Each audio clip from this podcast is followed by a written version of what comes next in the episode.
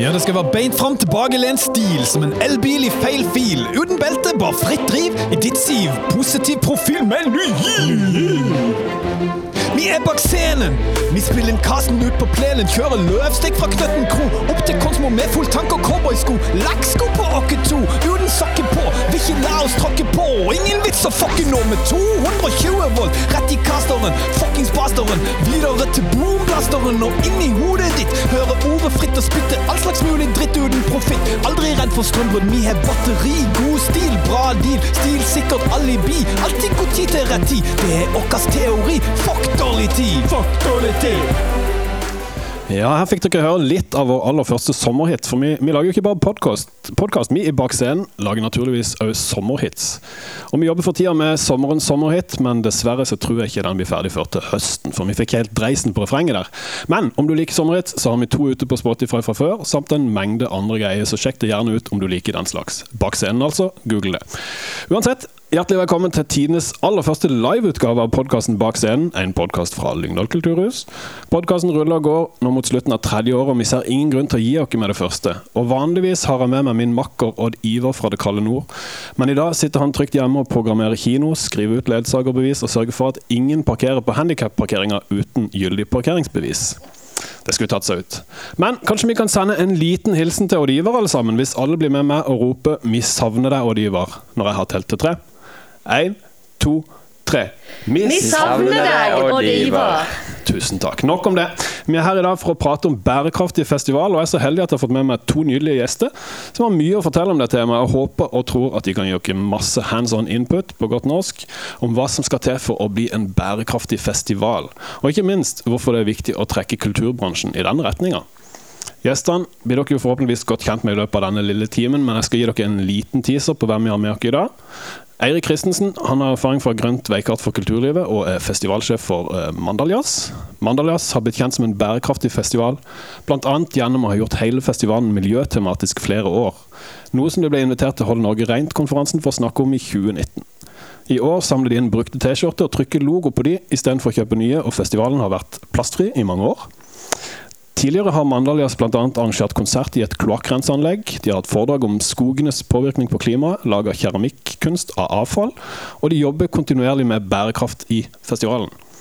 Og Mira Svartnes Thorsen er festivalsjef for Ravnedalen Live. Hun er prosjektleder for Arena for bærekraft, bærekraft og utviklingsledig i Dirty Old Town. Fantastisk fint navn. Og eier og styreleder i Vaktbua. I tillegg så er hun formannskapsmedlem, eller forkvinnskapsmedlem som Mira bruker si, i Kristiansand. De siste 13 årene har Mira og gjengen stått bak rundt 1000 konserter, arrangementer, festivaler og eventer. Det syns jeg fortjener en liten applaus, folkens. Og selv sier Mira vi elsker å leke oss fram til tøysete løsninger på alvorlige problemer. Mer sex, sustainability og rock'n'roll. Så da tenker jeg vi kjører i gang med urpremieren på aller første liveutgave av Bak scenen. Jeg foreslår at dere som er med oss live, gir dere en raus applaus og lener dere godt tilbake. Jeg begynner med deg, Eirik. Hei, tusen takk for at du takka ja til å delta på vår aller første livepod. Jeg kunne tenke meg å høre litt om Mandaljazz og din rolle der fram til i dag, og hvorfor dere har valgt å satse såpass aktivt på bærekraft. Ja, takk for at jeg fikk komme. Um, vi var tre unge gutter på 24 år som starta festivalen for ti år siden i år. Eh, og nå spurte Mira meg rett før vi gikk på nå hvorfor jeg egentlig eh, starta den festivalen. Og da måtte jeg gi det klassiske klisjésvaret som er at eh, jeg liker å se folk smile. Men det er altså eh, helt sant. Det er, var rett og slett fordi at vi, vi som, eh, vi som starta den, vi likte jazz. Vi spilte jazz. Eh, og så fikk vi lyst til eller Vi var på en måte litt sånn arrangørspire alle sammen. som elsker å liksom lage en fest eller invitere på en middag og alle mulige sånne ting. Og det er egentlig ganske likt det å drive festival, fordi at poenget med å gjøre det er jo at folk, kanskje særlig folk som vanligvis ikke går ut så ofte, de går gjerne ut på festival. Og hvis du kan være den personen eller den arrangøren som gir dem en sånn der årets kuleste opplevelse, så ser at de bare er himmelfallende liksom etter en konsert, så er det den beste følelsen i hele verden. Ja. Og dere er en ganske ung arrangørgruppe, har jeg inntrykk av? Ja, altså vi har vel en sånn medianalder på rundt 30 år nå, mm. eh, som var kanskje 25 da vi starta, men vi holder oss eh, ganske unge, ja.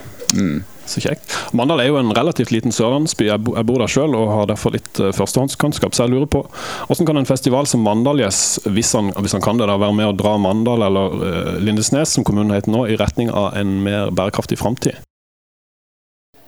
Tja, eh, det Det som er interessant med små festivaler og ting som skjer en gang i året, at du får forholdsvis mye oppmerksomhet i forhold til eh, hvor stor del av folks liv det tar. Altså Det er snakk om to-tre kvelder i året. Eh, men det som er eh, smart med det, er jo at det er en sånn perfekt sånn testarena for å lage små pilotprosjekter som får mye oppmerksomhet. Så hvis du på en festival kan bevise at det f.eks. er mulig å ikke ha noe avfall, eller hvis du på en festival kan bevise som vi gjør, at du slipper å kjøpe noe merch eller T-skjorte, du kan hente de på Fretex og trykke logo på det sjøl, så viser du på en måte det for resten av veien, og du, og du, du blir en, en slags demo på at noe funker, og en fin testarena. Eh, så jeg tror nok det det vi har funnet ut i løpet av våre ti år, at disse her eh, tunge, liksom langsiktige miljøsatsingene som typisk at du får hele Equinor til å liksom eh, kutte ned bruken av engangsplastikkskeier, er liksom, det er på en måte ikke det som er en festivals største verdi, det er mer den der, der foregangsfiguren å være det eksempelet som, som viser vei og gjør noe kult og nytt for første gang. da. Du hører på podkasten Bak scenen, en podkast fra Lyngdal kulturhus.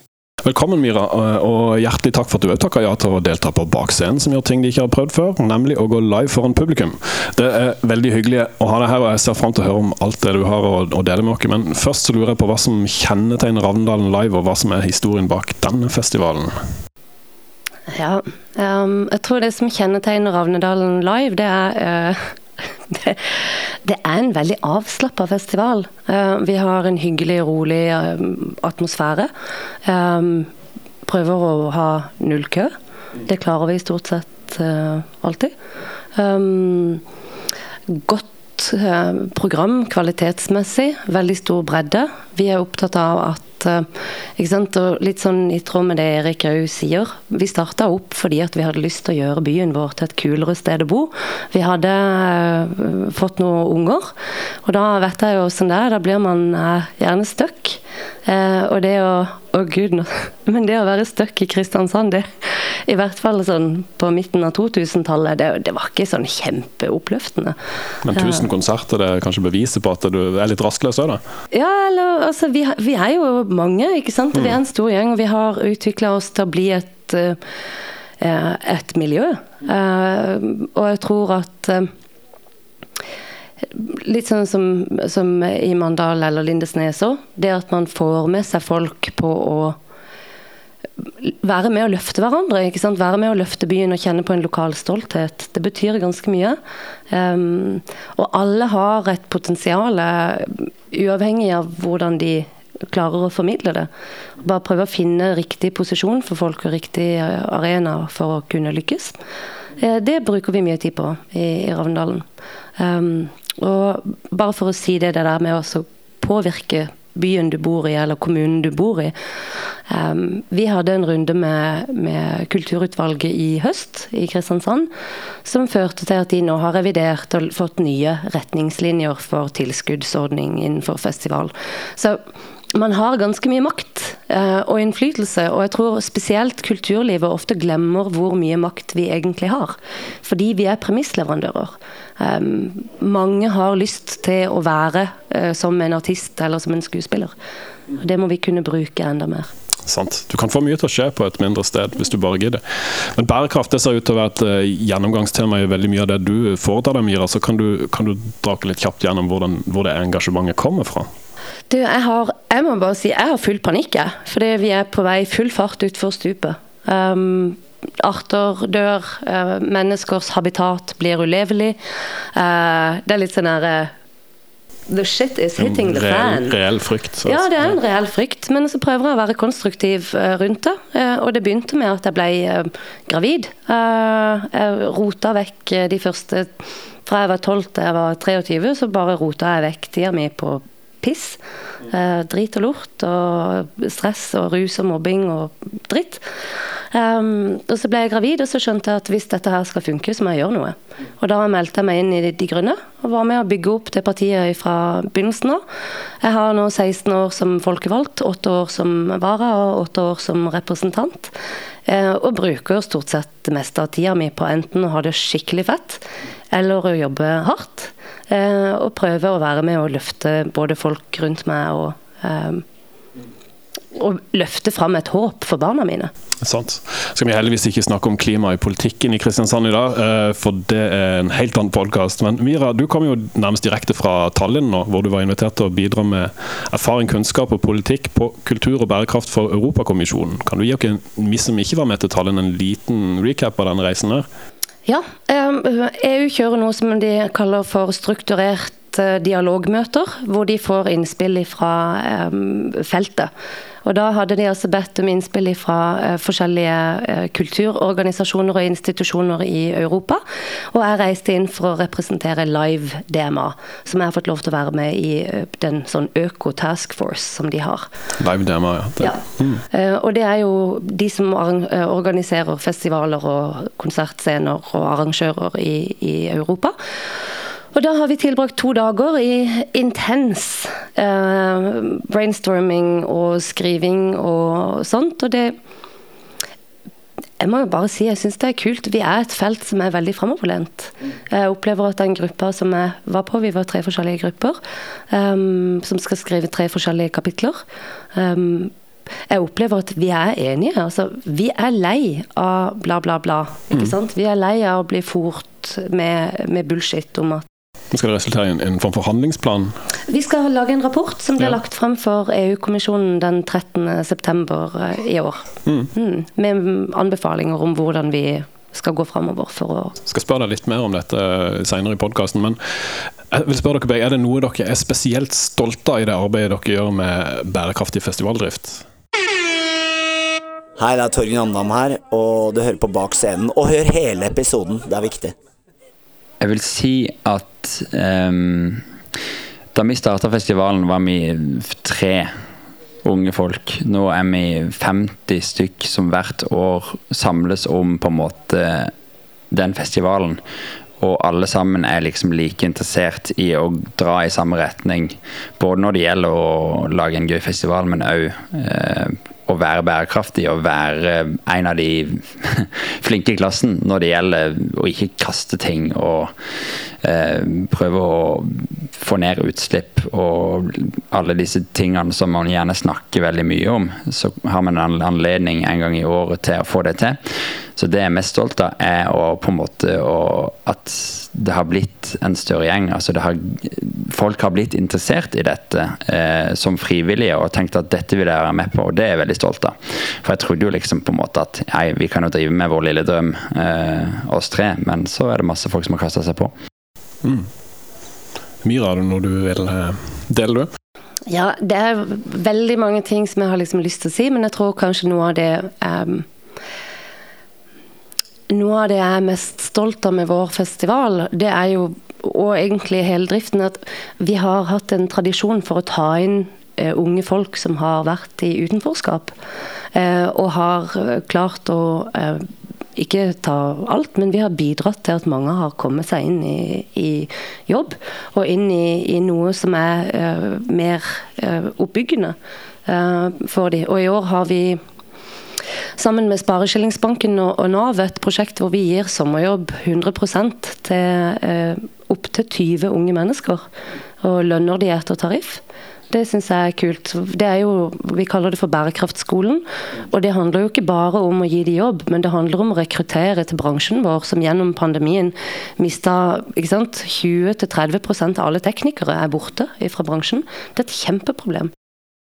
Så dere driver med sosial bærekraft i tillegg til Vi prøver å være veldig godt representert i alle bærekraftsmålene. Hei, jeg heter Som Soya, og du hører på Bak scenen. Jeg tenker Vi kjører videre på dagsordenen, nemlig bærekraftig festival. Vi har jo vært inne på det her, men uh, jeg vil spørre dere begge, hvordan kan vi få det varmt i hjertene til publikum og artistene, og samtidig stoppe planeten fra å bli varm? Åh. det var et veldig fint spørsmål. Um, og jeg opplever at vi gjør det. Jeg tror dere òg egentlig gjør det. Vi samarbeider jo mye med publikum for å oppnå dette. Og vi uh, sjekker ut med de. Vi har gjort flere undersøkelser. Uh, vi er tilgjengelige for uh, tilbakemeldinger.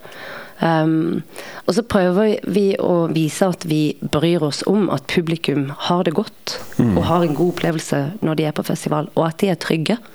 At det føles trygt enig i det du sier, og så vil jeg på en måte bare eh, Det spørsmålet, måten du stiller spørsmål på altså, Det er viktig å huske her at vi er en del av en næring, en kulturnæring, som mm. har livets rett og som etter vår mening burde på en måte være sterkere og større. Um, og, og vi, måte, vi må tenke på hva er det vi kan gjøre, og hva er det som er vårt ansvar, og hva er det som ikke er vårt ansvar. Uh, så det første man på en måte gjerne tenker når man uh, snakker om konserter, da, er jo altså største, Den største klimapåvirkninga som er relatert til det å drive konsert, er jo ofte reise. altså musikere som tar fly. Og musikere og folk som driver med kunst og kultur, må gjerne ta fly, fordi at de har 250 reisedøgn i året og kan ikke sløse bort åtte timer på å sitte på tog nødvendigvis. Eh, men er det oss som festivalarrangør som på en måte skal bestemme over en musikers eh, reisevane. ikke sant? Der må man ha en diskusjon om hvor på en måte ansvarsområdet går. Mm. Så når eh, du stiller spørsmålet hvordan kan vi gjøre dette her, og samtidig ikke varme opp jorda, så må man huske det at å drive med konserter, det kommer vi til å gjøre uansett. Eh, og de må reises til. Eh, så vi må på en måte ordne vårt fokus på vår lille del av dette her eh, store bildet. Hva er det vi kan gjøre? Hva er det vi som er vår konkrete på hjemmebane, liksom, miljøpåvirkning? Og da er det litt mer snakk om eh, Da må man stille seg spørsmål hva, hvordan kan man bidra best mulig? Hvordan kan vi best mulig bruke holdt jeg på å si, vår verdi i vår festival eller som en konsertprodusent for å bidra i riktig retning? Mm. Eh, uten å på en måte eh, legge det over på noen andre og si at dere må reise miljøvennlig, og dere som kommer hit må kaste sånn og sånn, men hva kan vi gjøre sjøl? Hva tenker du Myra, legger dere noen føringer på artistene? Jeg er helt uenig. Ja, jeg tenkte meg egentlig det. ja. Uh, ja, ja. Uh, og det, det, er jo litt sånn Og det tror jeg kommer helt an på hvor vi er i, i Altså min kriseforståelse er jo sånn at uh, det er ikke nødvendigvis gitt at vi kommer til å arrangere konserter alltid. For det uh, med uh, liksom den, den utviklinga vi ser nå, um, så, så, kommer vi til å ha enorme det, og det er så vondt å si, ikke sant? men vi kommer til å se enorme mengder med, med, med folk som må flytte på seg. Uh, det kommer, ikke sant? Hvis vi ikke får fingeren ut, så blir det skikkelig ubehagelig. Ja, Nå tenker du globalt? Ja, nå tenker jeg globalt. Og det er jo litt sånn det som er fokuset. ikke sant? Du må tenke globalt, og så må du handle lokalt. Du kan ikke ta ansvar for alt, men sånn som vi gjør da. Vi har grønne ridere eh, og grønne artistkontrakter. Og det er klart, Vi kan ikke pålegge en artist å ta eh, tog eller reise kollektivt, men vi kan si det er et sterkt ønske fra oss. Mm. Vi har eh, dette som vår policy. Um, og, og, nei, vi dekker ikke, ikke sant, et ekstra hotellrom eller to ekstra netter. Eller, altså At vi hele tida sier vi holder vårt forbruk nede fordi at det er det vi må. Det er rasjonelt. Um, og så handler det jo om publikum, og det handler om strukturer som en er en del av. Og det at alle hele tida sier sånn Ja, men jeg er så liten, og jeg har ikke noen påvirkning, og, og jeg må bare ta ansvar for mitt. Av og til, i et samfunn, når man er i endring, så må man legge opp til at de sosiale normene eh, endrer seg. Det grønne skiftet det sier at vi må endre på lover, forskrifter, regelverk, maktforhold, politikk, økonomi, eh, organisering. Eh, alt mulig. Vi er nødt til å ta en radikal omstilling av samfunnet vårt. Og da kan ikke vi drive med sånne puslete smågrep. Og dette er ikke kritikk av dere fordi jeg digger det dere gjør, eh, virkelig. Men vi må ha ambisjoner langt utover vår egen drift hvis vi skal klare dette. Og vi må være tydelige i hvor vi står i det verdispørsmålet. Ok, da skal jeg komme med et lite tilsvar. fordi at vi, Jeg tror ikke vi er så uenige som det kan virke som her nå. Um, men altså, du var inne på det at um, dere har grønne ridere. Det har vi òg. Vi har òg på en måte gjøre det vi kan på, på festivalen for at eh, det skal bli så bærekraftig som mulig. Men når det gjelder f.eks. en ung musiker som nettopp er utdanna fra jazzlinja i Trondheim, de trenger å få turnert og fått spilt seg opp, sånn at de kan bli en populær artist. og Først når du, først når du er en, på en måte, har begynt å, å gjort dette noen år og liksom kanskje gitt ut noen plater, og sånn, så er det lettere å være mer bærekraftig for den artisten. Fordi de da, hvis de reiser f.eks. til USA da, eller nedover Europa, så kan de få seg 15-16 spillejobber på en turné.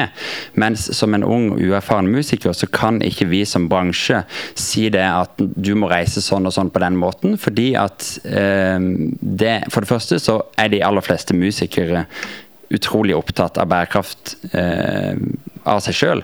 Så hvis vi kommer på en måte og, og, sier at på en måte alle hos oss skal reise miljøvennlig sånn og sånn og sånn, så, det, kan, så kan det slå ut litt urettferdig mot de yngre, uetablerte musikerne. Eh, mens de etablerte, som gjerne kan på en måte få seg en spillejobb i hver by i Europa, har jo ingen problemer med dette. her.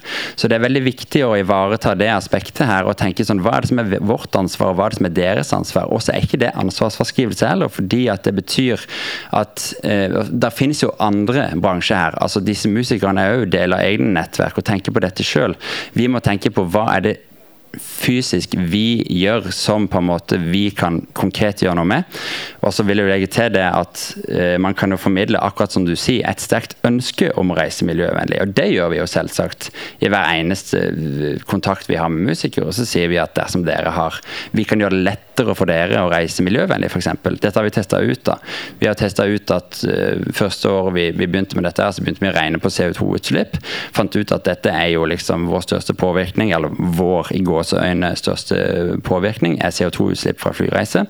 Hvordan kan vi få de til å reise mer miljøvennlig? Eh, og Da fant vi veldig fort ut at det, er, det går et slags skille der. Eh, og Derfor har vi endt med å gjøre sånn som et gå ut ifra at dere òg gjør.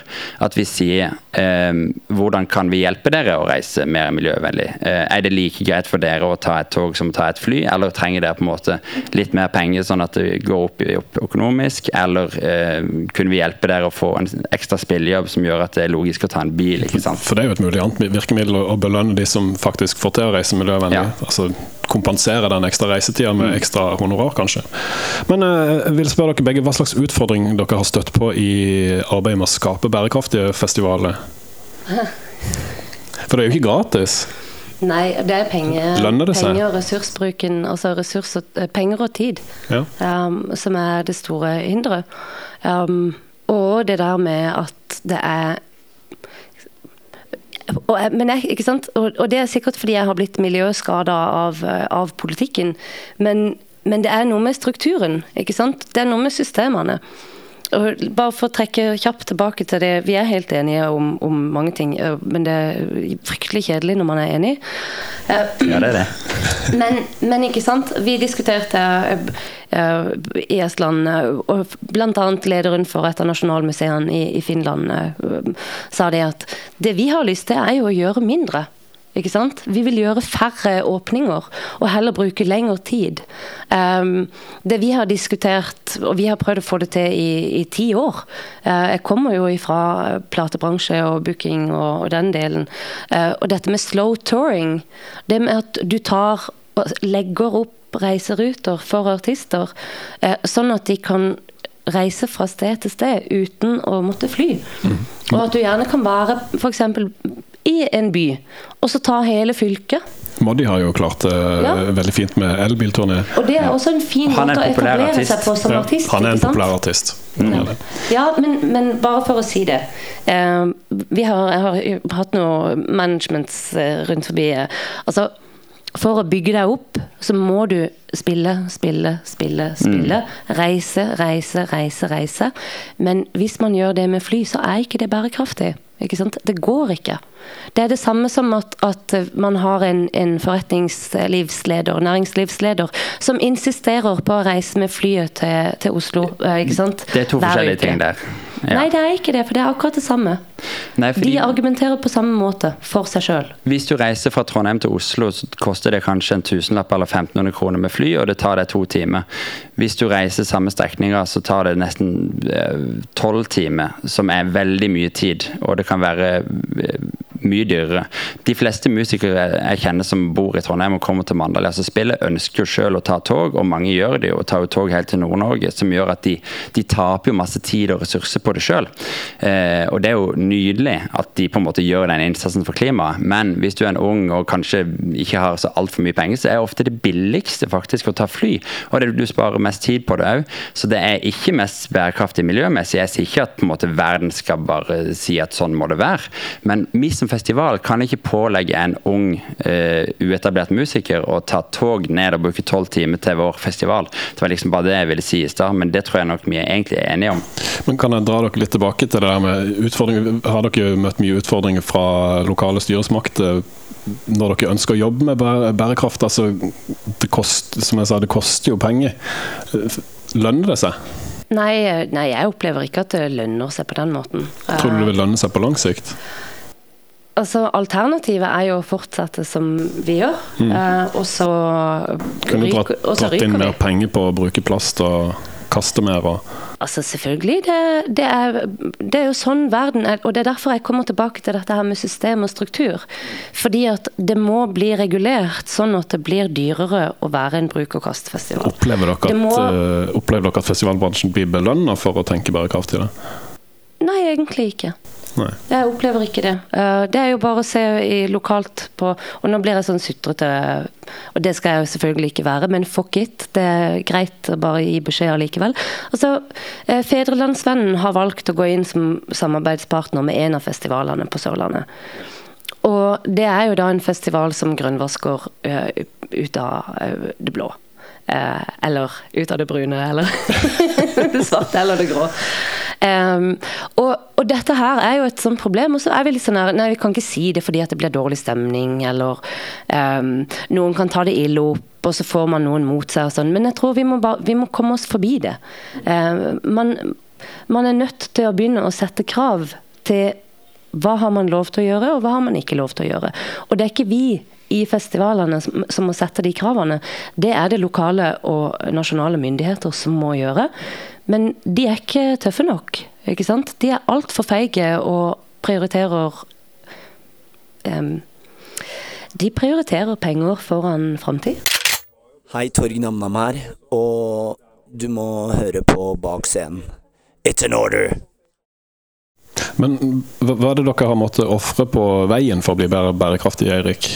Det tar uh, litt mer tid enn å ikke være bærekraftig. Mm. Um, og det er en sånn ganske viktig kostnad. for det, altså, det er jo ikke penger, men indirekte så er det jo veldig mye penger. fordi frivillighet er jo noe som har fått seg liksom en trøkk etter pandemien, kanskje eh, særlig. Men som òg er en veldig sånn underprisa ressurs. Altså folk eh, Det er mange som ikke på en måte egentlig vet hvor mye ressurser det er i frivillighet i landet, men særlig i en, i en festival og i konsertproduksjon. da. Eh, og når man da skal på en måte be disse frivillige om eh, å alltid yte litt mer, litt ekstra, sortere litt mer, snekre gjenvinningssystem, eh, reise miljøvennlig, ikke sant. Du sliter jo kanskje litt på den ressursen, og det er veldig viktig for oss. Og det handler jo òg om bærekraft. da, at man ser på frivillighet å løfte på en måte de frivillige som jobber med noe, så høyt du kan. Eh, og vise så tydelig som mulig at man på en måte setter pris på det. At det blir belønna så godt som mulig uten at det er lønn. Eh, for det er, det er slitsomt å være frivillig, eh, og det er lett å ta det for gitt. Eh, er du frivillig hos oss, så er vi ekstremt opptatt av at man skal ha en god opplevelse. Det handler om på en måte eh, sånne viktige eh, altså at man føler seg ivaretatt, møtt. Eh, vi har hatt mange f.eks. asylsøkere og innvandrere generelt som frivillige hos oss. Vi har hatt mange folk som har liksom vært litt utenfor, kanskje, og har funnet seg en ny gjeng i Mandalias. Og når det gjelder bærekraft, så er jo det skaper jo en bærekraftig kulturopplevelse eh, både innenfor og utenfor festivalen. Mm. Eh, Men spørsmålet ditt var på en måte hva det koster for noe å drive Ja. med bærekraft. Altså Det koster jo ekstremt med krefter på en måte å Det tar lengre tid. Det tar lengre tid, rett og slett. Mm. Man kunne alltid gjort ting enklere. Man kunne alltid på en måte bare kjøpt seg ut av ting, eller gjort mindre ut av det. Lagd en mindre konsert, gjort noe litt mindre morsomt, noe som tjente mer penger. Men eh, det å ta de valgene som gjør det si, mer interessant og mer bærekraftig, er jo ofte det, det er en kostnad ved det, da. Men det er jo kanskje sånn at man lærer mer av å gå den lange veien òg, underveis. Men Mira, jeg har lyst til å spørre deg Uh, hvordan Ravnedalen Live samarbeider med, med lokalsamfunn og bedrifter og organisasjoner for å oppnå bærekraftsmål. Ja, um, og ba, jeg har bare lyst til å til, tilføre litt, grann, hvis jeg får lov, på, på dette med, Ja. med utfordringer og sånn. Um, jeg må si at det å jobbe med bærekraft og festival, det er noe av det gøyeste og mest utfordrende og mest em, tilfredsstillende jeg har gjort. Eh, fordi em, alle har lyst, ikke sant? Og vi har brukt 1,3 millioner via egen lomme på bærekraftsarbeidet vårt. Vi har fått 700 000 i støtte fra det offentlige, men, men vi har brukt mye penger sjøl òg, og tid. Um, men det vil jeg egentlig si at er verdt det, og selv om vi ikke har sett det Du spurte i sted ikke sant, om det er en langsiktig profitt å hente. Eh, det tror jeg helt klart, og noe av grunnen til at jeg tror det, og da kommer vi inn på dette spørsmålet. ikke sant? Hvordan jobber vi med lokalsamfunnet? Hvordan jobber vi med eh, de forskjellige nivåene? Eh, vi hadde en festival i 2019 da vi prøvde å bli helt bærekraftige liksom på egen kjøl. Da så vi det at det klarer vi ikke. Så da um, fikk vi litt penger fra fylkeskommunen med Forskningsmobilisering Agder. Lagde et nettverksmøte um, som vi har en rapport fra uh, på våre hjemmesider. Som går an å laste ned der. Der ligger også bærekraftrapporten vår og bærekraftstrategien vår. Vi kommer nok til å legge ut leverandørkrav og litt sånn videre også. Um, og dette er jo dokumenter som vi har fått fordi at vi har samarbeida med andre. Mm, og de del, deler dere. Og de deler vi selvfølgelig villig, villig, villig vekk. For vi må ta den omstillinga alle sammen. Og um, jeg opplever det som veldig meningsfylt eh, å få lov til å samarbeide med kommunen. Det finnes masse gode krefter i kommunen. Eh, samarbeide med, med Kilden, med Kaldonien, med Innovasjon Norge, med Norse, eh, med andre festivaler. og bryggeriet. Altså, vi har, vi har banken. altså, vi har, vi har et veldig bredt samarbeid, og da bruker vi ikke sant? Liksom, vi snakker mye om at vi må kutte eh, vi må, vi må overkomme silotenking. ikke sant? Vi må være sektorovergripende. Og Det opplever jeg at vi har klart i det nettverket som heter Arena for bærekraft. Eh, Da har vi lagd nye prosjekter, og vi har henta ut kunnskap, og vi har delt kunnskap. Så ja. eh, Jeg anbefaler å gjøre den type ting. Og det å veve lokalsamfunnet tettere til seg, det er, tror jeg make it or break it altså for enhver eh, festival.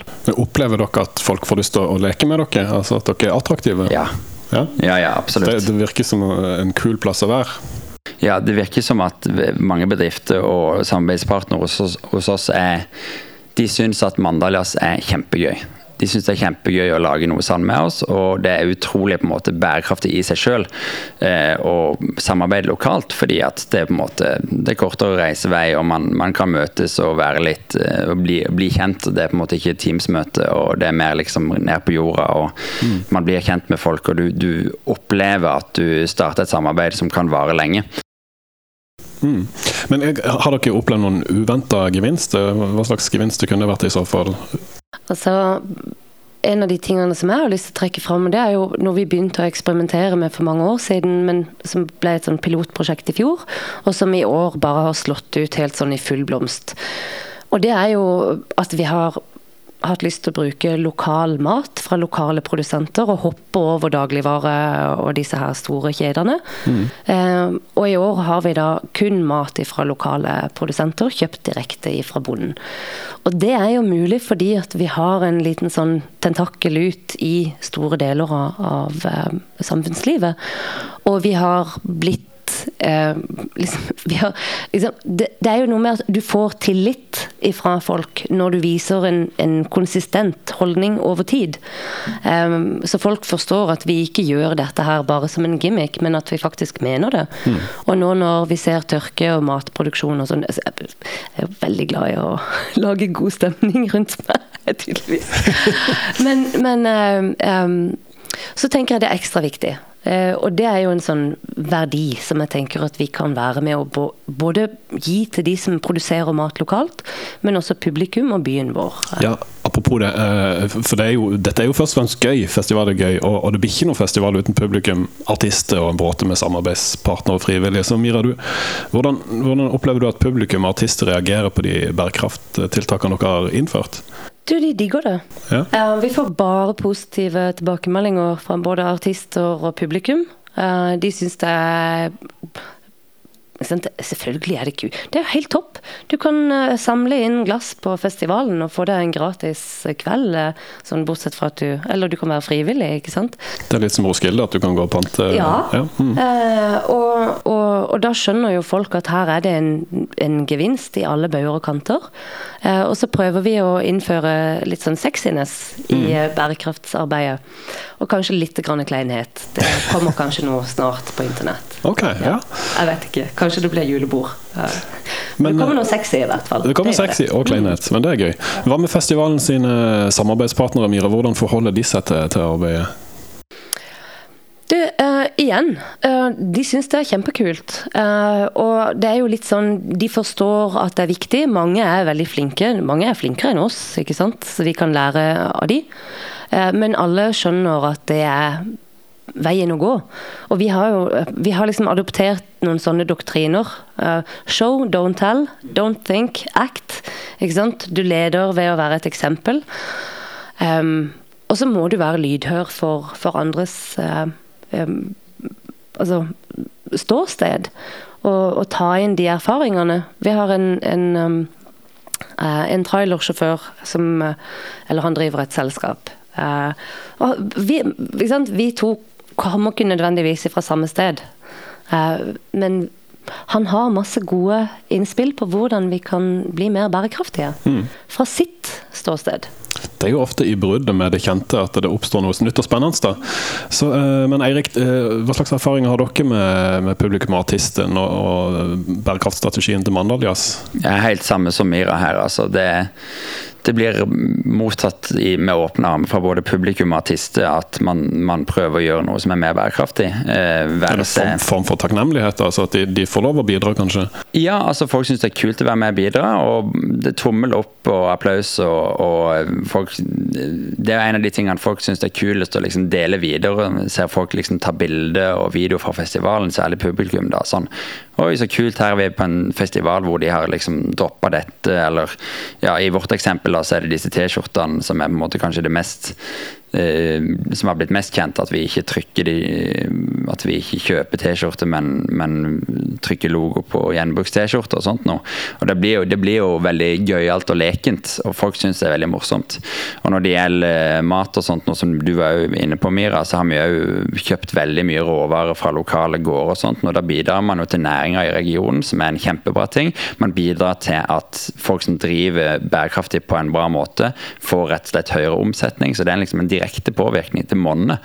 Eh, og, og eh, når det gjelder samarbeidspartnere rundt, så er jo på en måte alle synes det er kjempespennende å høre om alle sånne små prosjekter og tiltak som vi gjør da. Eh, så jeg vil si at det er utelukkende positivt, ja. Vi har allerede vært litt inne på det, Mira, men eh, en festival kan jo ikke drives uten samarbeidspartnere. og Jeg vet at du er opptatt av det som heter verdikjedeinnovasjon, men, men hva betyr egentlig det? Nei, eksempel så er det jo de, de plastglassene som vi har brukt mye tid på og egentlig ikke klarer å finne en ordentlig løsning på. Jeg tenker jo at det først og fremst er pga. Mattilsynet, som har veldig strenge regler for hva vi kan og ikke kan gjøre med, med glass, og hvordan vi kan fylle på og ikke kan fylle på. Um, um. Hva er casen med deres glass? Nei, altså vi har, vi har egentlig prøvd å finne mange forskjellige måter å gjøre det på. Um, men vår leverandør av øltjenester Øltjeneste. Øltjenesteinnovasjon. Øltjenesteinnovasjon. Ja. Har, eh, har et system som de bruker. eh, og da er vi i hvert fall låst til det i et år til, ikke sant. Um, Man må jo klare å finne opp noen andre typer glass enn plast, altså, i, i, som kan produseres i store kvanta. Ja, men det er, greia er det at uansett når du har engangsartikler hvis du skal erstatte det med en ny engangsartikkel, så, så flytter du jo bare idiotien fra et område til et annet. Vi har snakka om at vi har lyst til å gå tilbake til litt mer sånn viking... Eh, vikingteknologi. Horn. Ja, eller at man har med seg sitt eget glass og sin egen kopp. Og at det er en helt naturlig greie. Og det er veldig tullete at man skal drive og få nye. Det er jo det er bare å ha med seg. Vi Ja, forventer er sant at vi skal få alt. man kan, man kan jo bruke glass av glass og vaske de opp. Det har vi gjort en del ganger, men vi er jo ganske små, på en måte. Så vi har, hvis det går 100 glass med vin, så kan man jo vaske opp det. Så det gjør vi jo, på en måte. Men eh, når det gjelder disse glassene, disse, eh, så finnes det jo alle disse PLA-glassene som er lagd av sånn sukkerrør og maisstivelse. Det var jo sånn en interessant liten sånn historie. Det er sikkert mange som har hørt det før, og dere, det er sikkert dette du snakker litt om, men det ble kanskje mest kjent da Øyafestivalen fikk disse her eh, Simas opp i Sogn til å gjøre et eksperiment med å, å bryte det ned. For det viste seg jo da altså Vi trodde jo det året i 2018 da vi skulle gå over til sånne glass, sånne PLA-glass som er såkalt komposterbare, at, de, at da har man jo på en måte unngått engangsplast, på en måte. Men det viste seg jo etter en samtale med avfallsør at de ligger jo der i komposten i eh, noen uker, og så trenger de egentlig tre-fire måneder på å brytes ned. og Det betyr- at de blir egentlig bare silt vekk når komposten tas ut, og så kastes de i resten. Men det var likevel bedre enn noe som er oljebasert. Fordi at det vil jo i løpet av ett års tid løse seg opp og ikke bli til mikroplast nødvendigvis. Men det som skjer etterpå festivalen, det er ikke godt nok eh, organisert per i dag, er det det du Jeg skal sier? bare si at det Ja. blir mikroplast eh, av det. Ja, Av PLA-glass? Ja, det blir mikroplast av det. det. For at du skal unngå at det blir mikroplast, så må det opp til et sånn varmkomposteringsanlegg som tar Ja. lang tid. Og hvis det ikke kommer inn i det, så brytes det ikke Og ned det er jo dette som er naturlig og blir problemet. kompost. Ikke sant? Så, så avfallshåndteringa i etterkant er ikke bra nok per i dag? Det er ikke noe system for det per i dag i Norge som på en måte man kan bare sende inn der, og så vet man at det blir håndtert på en god måte. Så det selv om er jo i det ene prinsippet- avfallsanlegget ja. ja, men det er jo et eksperiment de i jord. Man kan jo liksom ikke sende ting til Sogn. Så. Nei, man kan ikke det. Men ikke Ja. sant? det er jo det som er poenget, da. Løfter det opp et nivå. Ja, og så, og, men igjen her tilbake. Vi har jo hatt noen nettverksmøter i Arena for bærekraft. Og det vi alle sier, det er det at vi, hver for oss, så er vi bundet av et sett med regler og forskrifter som holder oss fast i det eksisterende forbruksmønsteret. Hvis vi skal komme videre, så er vi nødt til å ha et sånn overordna eh, nivå som ser på hvordan kan vi innovere i verdikjede for å sikre at vi har andre og mer bærekraftige praksiser, og hvordan kan vi regulere for å forhindre at noen eh, har en, en praksis som er eh, altså destruktiv. Ja, jeg har lyst til å, øh, Det bringer meg på, for så vidt over på noe som kanskje har potensial til å, å gjøre noe med dette. og Vi har fått øh, noe som heter Grønt veikart for kunst- og kultursektor. Eh, og øh, Eirik og Mira, begge to, egentlig, i hvilken grad opplever dere at øh, kulturbransjen har våkna og tatt dette veikartet i bruk når, når bransjen skal navigere inn i framtida? Jeg opplever at kultursektoren er veldig langt frampå. Jeg opplever at vi er veldig tydelige på hva vi ønsker. Men det jeg opplever ikke er såpass eh, på ballen, det er jo igjen tilbake til myndighetene. Altså Kulturdepartement, Næringsdepartement, eh, Klima- og miljødepartement, fylkeskommune fylkeskommune, kommune. De må komme mer på ballen. Og så må de lage rammeverk som vi kan operere innenfor. Og så må de stole på at vi klarer å være innovative nok til at vi klarer å oppfylle disse eh, kravene, uten at eh, vi får en massiv eh, død i kulturen. Vi er omstillingsdyktige. Det har vi gjort alltid. Eh, men de må Man sette omstiller seg jo egentlig hvert år som festival, fordi man gjør jo alt på nytt hvert år. Så det er jo som, som jeg nevnte innledningsvis, og som du sier nå, altså festivalet er jo det perfekte arenaen for å vise at ting går an når de kommer til bærekraft. Mm, eksperimentere og innovere. Og... Ja. Men, men Mira, øh, hva er egentlig Grønt veikart for kunst- og kultursektor? Kan du øh, pitche den litt kort? For, for, for du snakker om at øh, Ja. dere må ha, vi må ha noe som, som styrer det hele, og regulerer det, men er ikke det egentlig det veikartet skal gjøre? Eh, Grønt veikart eh, la jo opp ikke sant, noen ting man kan gjøre sjøl, for egen kjøl. Mm, man kan gjøre sjøl. Ja, og det er jo et sånn kan-dokument. Um, og det er jo liksom å ha en avfallsplan, ha en miljøpolitikk, ikke sant? lese opp på, på relevante altså best practices. Og så har de også Vi har selvfølgelig gjort de ikke har alt på grønt veikart. Fordi at når du er ferdig med din egen, uh, og det du kan gjøre på egen kjøl, så utfordrer de deg til å gå inn i partnerskap med andre uh, bransjeaktører, med andre næringer. Begynne å pushe på myndighetene. Mm. Og Det grønne veikartet er kjempebra. Det peker ut en retning. Uh, nå holder jo uh, Linnea Svensson og, og, gjengen på på nordisk ministerrådsnivå. Uh, og akkurat det samme holder vi på med på EU-nivå også, ikke sant? med å ha, å ha noen klare føringer og noen klare anbefalinger. Um, NKA har lagd grønn arrangementsstandard. Altså norske kulturarrangører. Ja. Mm. Um, så det er mye bra som skjer, og jeg opplever bransjen som veldig frampå. Vi vil. Og så har du selvfølgelig noen aktører som ikke er så frampå. Så ser du på Eirik? Nei, nei, nei jeg, tenker at, jeg tenker at og Eirik er veldig enige ja, okay, ja. om hvem som ikke er så frampå. Ja. Uh, men vi trenger ikke å liksom nevne navn. og Det er jo helt naturlig. Noen er drevet av shareholder value og profitt. Mm. Det er jo bare det har jeg faktisk litt lyst til å bare uh, unnskyld, trekke fram. Men eh, en kar som heter Mathieu Barreira, han har lagd en oversikt over hvordan fem menn og deres eh, eh, selskaper allerede eier over hundrevis av festivaler i Europa.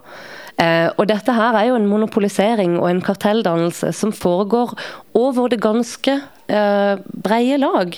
Ikke bare innenfor vår bransje, men innenfor uh, altså IT, dagligvare, som vi nettopp var inne på. Mm.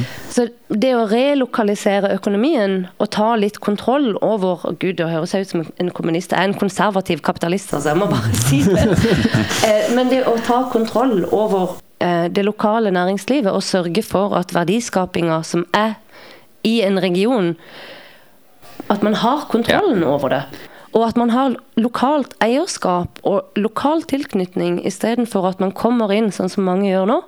De leier seg inn på f.eks. Kilden eller et annet kulturhus.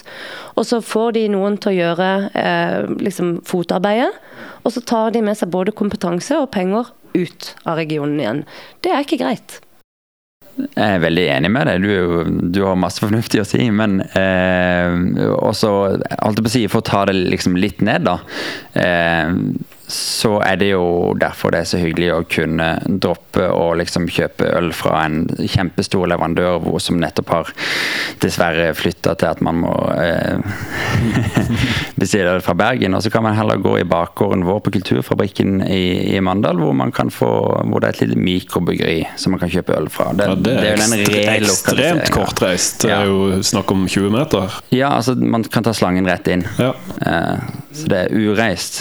Det er ureist, ja. ja og, og, det er jo sånne ting man kan gjøre som festival. da. Eh, kanskje det er litt vanskeligere holdt på å si, for store aktører som er avhengig av et visst volum og bla, bla, bla. Mm. Eh, men, men, altså, vis vei, liksom. ikke sant? Eh, hele kulturfeltet er jo kjempedynamisk og fleksibelt og plastisk. Man kan jo på en måte forme ting på nytt hvert år og hele tida. Mm. Og det er jo fullt av en hel masse mennesker som er opptatt av og syns at nye og gøye ting er spennende. Da. Eh, så jeg tror vi deler liksom den oppfatninga av at det er utrolig viktig å, å, på en måte la økonomien liksom sirkulere litt lokalt der man er. Det er både mer bærekraftig og veldig mye mer givende for de som er involvert. Men Mira, jeg må spørre deg, kulturbransjen, vi må, eh, Jeg tilhører jo kulturhusbransjen, da. Men hele kulturbransjen må jo snart rapportere på klimafotavtrykk eh, mye. Hva er inntrykket ditt? Ligger kulturbransjen godt an, eller må de komme seg lenger inn på banen her? jeg syns det er et eh, kjempevanskelig spørsmål. Um, og eller syns det er en, en vanskelig, et vanskelig område. Uh, fordi at på den ene sida skal du miljøsertifiseres, eller skal du ikke? Skal du måle, eller skal du ikke? Hvor mye skal du måle? Hva skal du måle? På hvilken måte skal du måle? Snart må vi måle. Ja, uh, og for små aktører ikke sant, som oss, um, det tar mye tid å måle. Eh, det tar veldig mye tid å måle hvis du skal gjøre det veldig riktig og veldig grundig. Eh, hvem skal betale for det? Men er det ikke lurt å være på ballen tidlig, da, sånn at du får lov å påvirke hvordan man måler? Hvordan, hvordan, hva er avtrykket til en jack-kabel, en XLR-kabel og en mikrofon? Altså jo, jo, jo, helt, helt klart. Men, men, igjen, da, tilbake til det at um, vi har, vi har allerede pressa administrasjoner innenfor kulturfeltet. Vi har blitt pålagt ganske mange nye krav. For oss i hvert fall, der som vi ser at vår drift før kunne Det holdt med en 20% stilling til administrasjon. Altså regnskap og økonomi og rapportering og sånt. Nå må vi ha 40. eh, og det er krav vi blir, på, altså, vi blir pålagt dette sant? fra stat og øh, fra staten. Men det, det er jo ikke noe penger som kommer med det. Så vi må bare, vi må bare få min, altså, øh, tightere marginer. Eh, så jeg syns det, det er en vanskelig diskusjon. Ja, jeg også det, men jeg bare tenker hvis ikke kulturhusbransjen og kulturbransjen generelt er med på å utforme Dere har jo røya røra full av penger, så det Ja, det, ja, det har vi det. Men uh, hvis ikke vi er med å utforme måten vi skal rapportere på, uh, så havner vi jo bakpå når vi skal starte å rapportere og kravet da kommer ovenifra. Jeg tenker et, som et grunnpremiss, ikke sant? uansett hvor du er. Eh, hvis du skal utforme et regelverk eller noen rapporteringskrav eller ehm, Altså, hvis du skal utforme noe for en bransje eller for en sektor eller for en gruppe aktører, så er det et grunnpremiss at de blir involvert i utforminga av det. Det er et godt demokratisk prosess, som vi, eh, prinsipp som vi skal holde på. Og så det, må det være skalerbart òg, da. Eh, altså, vi er jo gjerne med å utforme noe sånt nå. og Jeg er helt sikker på at hele kulturbransjen er interessert i å være med og påvirke hvordan dette skal foregå. Men, men er man en 20% administrasjon som dere var før, og som vi er nå, så har jo ikke vi så veldig mye tid til å sitte og regne på ting. Altså. Men da, det jo, da må det jo eh, være en måte å gjøre det på som en forenkla modell, og sånt, på samme måte som at man rapporterer andre ting. Jeg vet at dette arbeidet allerede er i gang med å lage rapporteringssystemet, men jeg tenker hvis ikke kulturhusene er på ballen og er med å utforme dette, så, så må vi velge blant eh, eksterne leverandører av, av rapporteringssystemet som kanskje ikke samsnakker med våre billettsystemer, bookingsystemet, og så sitter vi der. Ja, Om det to høres år. kjent ut. Ja, sant. Men jeg tenker eh, litt eh, videre til Kan dette veikartet være en driver for innovasjon i bransjen, tror dere? Jeg tror helt sikkert at det veikartet kan være en driver for innovasjon i bransjen, hvis det blir fulgt opp med regulering. ikke sant? Det er litt sånn nød lærer naken kvinne å spinne, og da mener ikke jeg at vi skal bli utsatt for massiv nød. Men hvis vi får noen rammer som vi er nødt til å forholde oss innenfor, eh, så kommer vi til å innovere. Det, sånn har det vært alltid. Og hvis det der store um, um, Hvis den store ubalansen mellom aktørene i vårt marked, vårt musikkliv, blir ehm, balansert Gud, nå snakker jeg litt sånn tåkete. Ok, Men de som har veldig mye makt, altså det som blir nærmest som et sånn slags monopol eller kartell å, å, å, regne, det må brekkes opp litt, ikke sant? Um, for nå, nå har vi altså stigende artisthonorarer som er egentlig helt hull i hodet. Ehm, Det er jo en helt, blir- helt annen podkast igjen, for det, det, vi kunne snakka mye om det, og hvordan musikkbransjen har endra seg. Ja, og, og det må håndteres, og det er det bare myndighetene som kan håndtere, gjennom Konkurransetilsynet f.eks. Uh, men det virker som at de er ikke altså de er ikke på ballen i det hele tatt.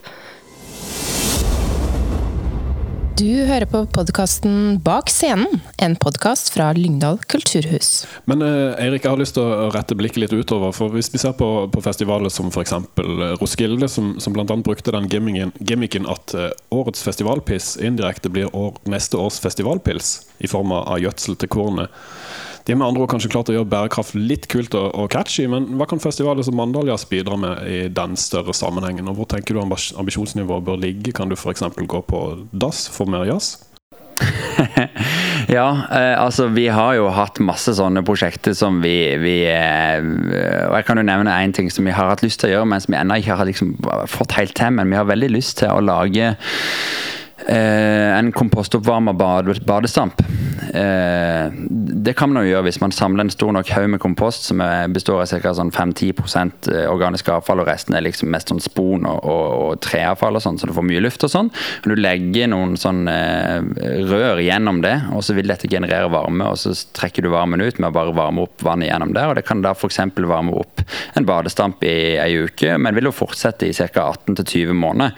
Eh, og der hvor vi arrangerer festival, så er det jo en sånn eh, Reodor Felgen-aktig type som har lagd sitt eget fjernvarmeanlegg som man varmer opp hele tomta og bygningene med, som man kunne koble ned til vann rett på. Sånne ting er jo gøy å gjøre. Og det er jo det, som jeg sier liksom i starten, at den på en måte gimmicken og den viser vei og hva Altså få alles blikk retta mot dette og få nyhetsoppslag, det er jo ekstremt verdifullt. Um, så ja. eh, jeg husker ikke hva du sa for noe mer jazz. eh. Gå på dass for mer jazz. Ja, det må, jeg kunne jo gått rett inn i det. Den, vær så god, den er gratis for meg. Ja. Men eh, jeg vil spørre dere nå litt avslutningsvis, jeg sa vi har fem minutter igjen. Eh, hvem gjør dere egentlig denne innsatsen for? Eh, For oss sjøl og for barna våre, og for at det skal være litt hyggelig. Og jeg, det er sånn, jeg liker sivilisasjon. Jeg syns det er topp. Jeg liker uh, å ha det ordna. ja. Og for Ja. dyrene. Og for fiskene. Ja, ja, men det er, jo, det er jo et premiss for at vi skal kunne ha et ordentlig liv. Så må vi ha økosystem som fungerer, og som har biodiversitet. Eh, og en stabil temperatur.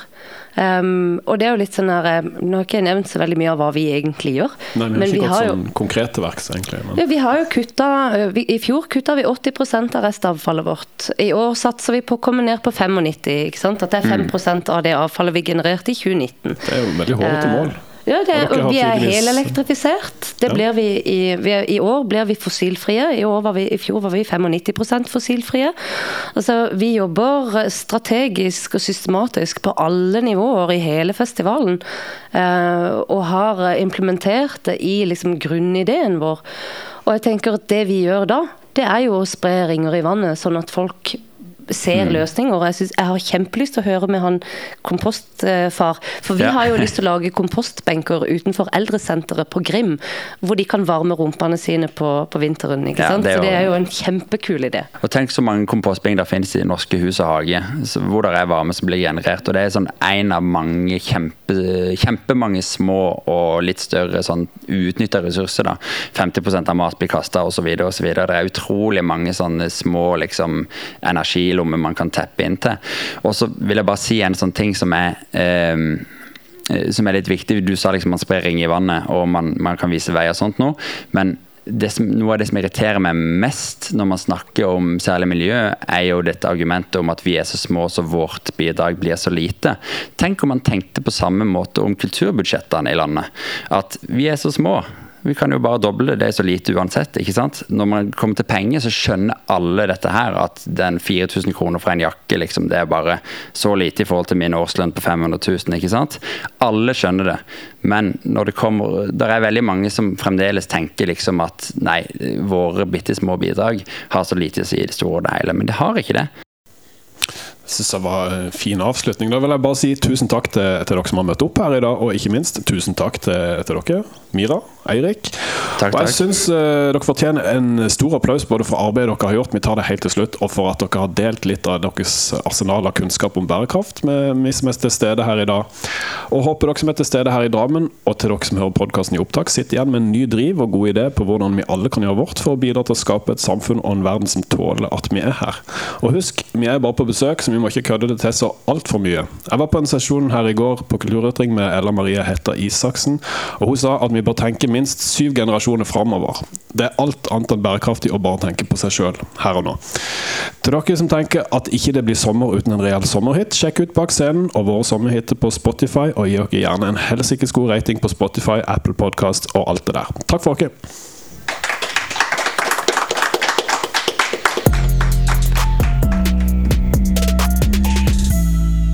Hørt podkasten Bak scenen, en podkast fra Lyngdal kulturhus. Hør flere episoder på Spotify, Apple Podkast eller din foretrukne podkastavspiller.